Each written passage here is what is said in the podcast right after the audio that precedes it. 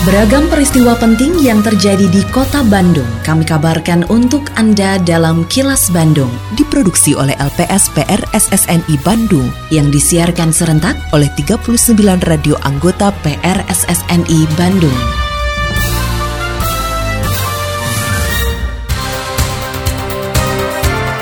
Sejumlah informasi aktual kami hadirkan untuk Anda dan inilah informasi utamanya. Masyarakat Bali merespon positif produk asal kota Bandung. Anggota Paskibraka Kota Bandung dikukuhkan. Kementerian Koperasi dan UKM bakal data UMKM. Saya, Santika Sari Sumantri, inilah kilas Bandung selengkapnya.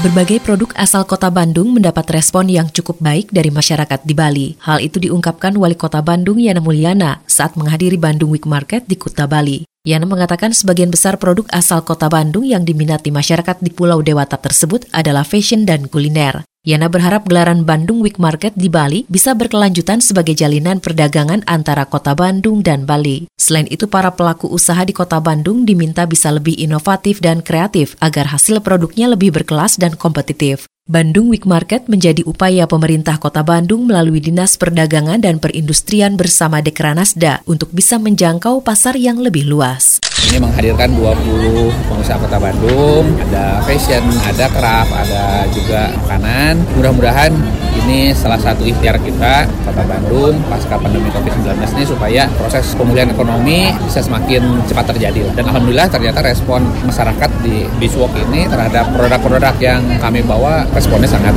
baik.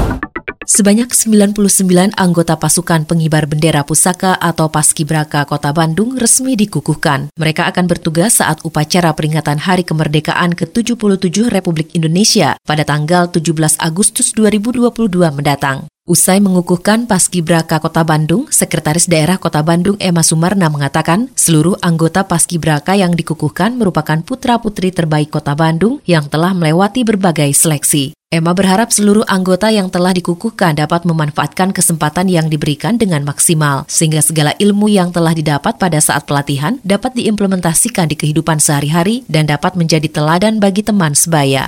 99 para siswa yang sudah terseleksi ya dan itu perjuangannya sangat luar biasa. Harapannya ya tentunya ini selain menjadi bagian pembelajaran dan kebanggaan bagi mereka, kemudian nanti bisa melaksanakan tugas dengan sebaik-baiknya. Hasil latihan ini bisa secara maksimal direalisasikan, diwujudkan sehingga menjadi bagian yang mengagungkan proses upacara tahunan ini yang sangat sakral yaitu peringatan Hari Kemerdekaan Republik Indonesia yang ke-77 di tahun 2022 ini.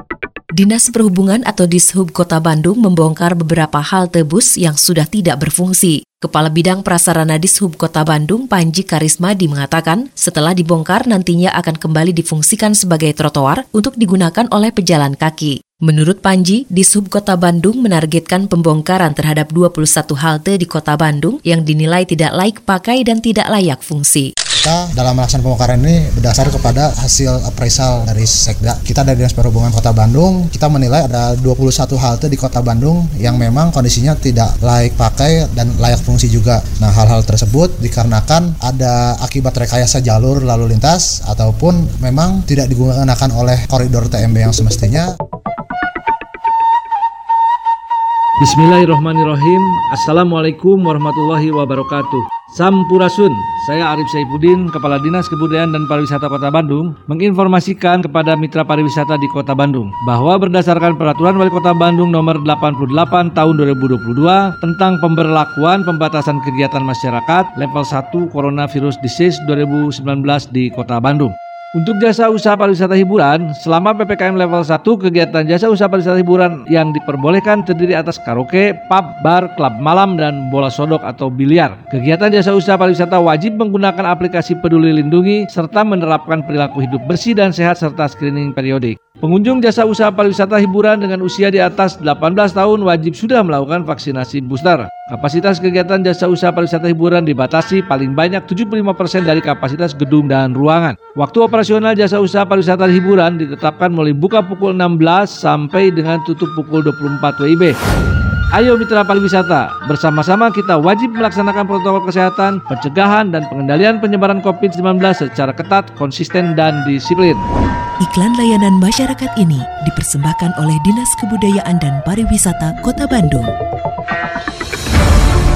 Kini, audio podcast siaran Kilas Bandung dan berbagai informasi menarik lainnya bisa Anda akses di laman kilasbandungnews.com. DPR RI sedang melakukan pembahasan terkait keseimbangan keuangan pusat dan daerah, salah satunya memperbesar alokasi keuangan dari pemerintah pusat ke daerah. Anggota DPR RI Sodik Mujahid berharap dengan adanya tambahan keuangan dari pusat diharapkan mampu membantu keuangan daerah untuk membiayai pegawai pemerintah perjanjian kerja atau P3K. Hal ini dilakukan untuk mengakomodasi sejumlah daerah yang tidak bisa mengangkat tenaga honorer menjadi P3K sebagai dampak terbitnya peraturan pemerintah nomor 49 tahun 2018 yang menyebutkan tidak ada lagi pegawai non-ASN atau tenaga honorer yang bekerja di instansi pemerintah mulai tahun 2023 mendatang. Menpan itu yang menetapkan aturan tentang P3K dan lain-lain memang diserahkan pembiayaannya kepada daerah. Daerah tidak semua punya uang sehingga tidak sedikit daerah yang menolak P3K itu. Itulah sebabnya kemarin di DPR lewat Komisi 11 sedang dibahas dan hampir selesai tentang Undang-Undang Keseimbangan Keuangan Pusat dan Daerah antara lain memperbesar daerah-daerah untuk mendapatkan uang dari pusat sehingga beban-beban daerah termasuk P3K itu bisa diselesaikan selesaikan. Assalamualaikum warahmatullahi wabarakatuh. Sampurasun, warga kota Bandung yang saya hormati dan saya cintai. Saya Tono Rusdiantono, Kepala Dinas Sosial Kota Bandung menghimbau kepada seluruh warga kota Bandung, para wisatawan dan para pengguna jalan untuk tidak memberikan uang atau sedekah kepada pemerlu pelayanan sejahteraan sosial atau PPKS. Di antaranya anak jalanan, gelandangan, dan pengemis karena mengganggu ketertiban umum dan kelancaran arus lalu lintas. Selain itu, saya juga meminta kepada seluruh seluruh warga kota Bandung untuk tidak menggalang dana atau meminta sumbangan di tengah jalan dengan dalih apa pun. Terlebih kegiatan itu tanpa mengantongi izin resmi dari Dinas Sosial Kota Bandung. Apabila Anda menemukan adanya PPKS maupun penggalangan dana, diminta partisipasinya untuk melaporkan hal tersebut kepada Dinas Sosial Kota Bandung. Salurkan donasi Anda hanya melalui lembaga resmi. Wassalamualaikum warahmatullahi wabarakatuh. Pemerintah akan mendata berbagai potensi perekonomian dari semua provinsi, terutama usaha mikro kecil dan menengah atau UMKM. Hal ini dilakukan agar setiap daerah saling mengetahui berbagai produk yang dibutuhkan tanpa harus impor dari luar negeri. Menteri Koperasi dan UKM Teten Masduki memastikan pemerintah terus berupaya merevitalisasi UMKM, salah satunya dengan mendata berbagai potensi yang ada di setiap daerah. Teten menargetkan pada tahun ini bisa mengumpulkan data 14 juta UMKM di seluruh Indonesia. Selain itu, Kementerian Koperasi dan UKM juga akan memberikan berbagai kemudahan bagi UMKM, mulai dari izin edar, sertifikasi halal, nomor induk berusaha, termasuk menyiapkan berbagai platform digital. Kita harus terus melakukan perbaikan pendataan UMKM melalui basis data tunggal. Kita perlu data antar daerah. Nah ini kita belum punya. Nah kami tahun ini ditargetkan 14 juta data UMKM by name by address akan terdata. Kami kerjasama dengan BPS. Lalu juga berbagai kemudahan perizinan. Ini kita harus percepat. Izin edar yang masih sulit, sertifikasi halal, nomor induk berusaha dan lain sebagainya. Ini kita harus kebut, kita harus percepat. Juga pembangunan platform digital untuk memberikan kemudahan pelayanan bagi UMKM. Sebagai penyintas COVID-19 pertama di kota Bandung, pernah merasakan bagaimana terpaparnya tubuh oleh virus corona. Jauh dari nyaman, karena nyawa kita sedang terancam. Jadi, jangan sampai hal tersebut Anda alami. Warga Bandung, pandemi COVID-19 belum usai. Mari disiplin menggunakan masker, cuci tangan selalu, jaga jarak, dan hindari kerumunan masih menjadi keniscayaan. Mari kita jalankan pola hidup sehat, makan teratur, istirahat yang cukup, dan berolahragalah. Saya Yana Mulyana, Wali Kota Bandung. Atur nuhun. Iklan layanan masyarakat ini dipersembahkan oleh Dinas Komunikasi dan Informatika Kota Bandung.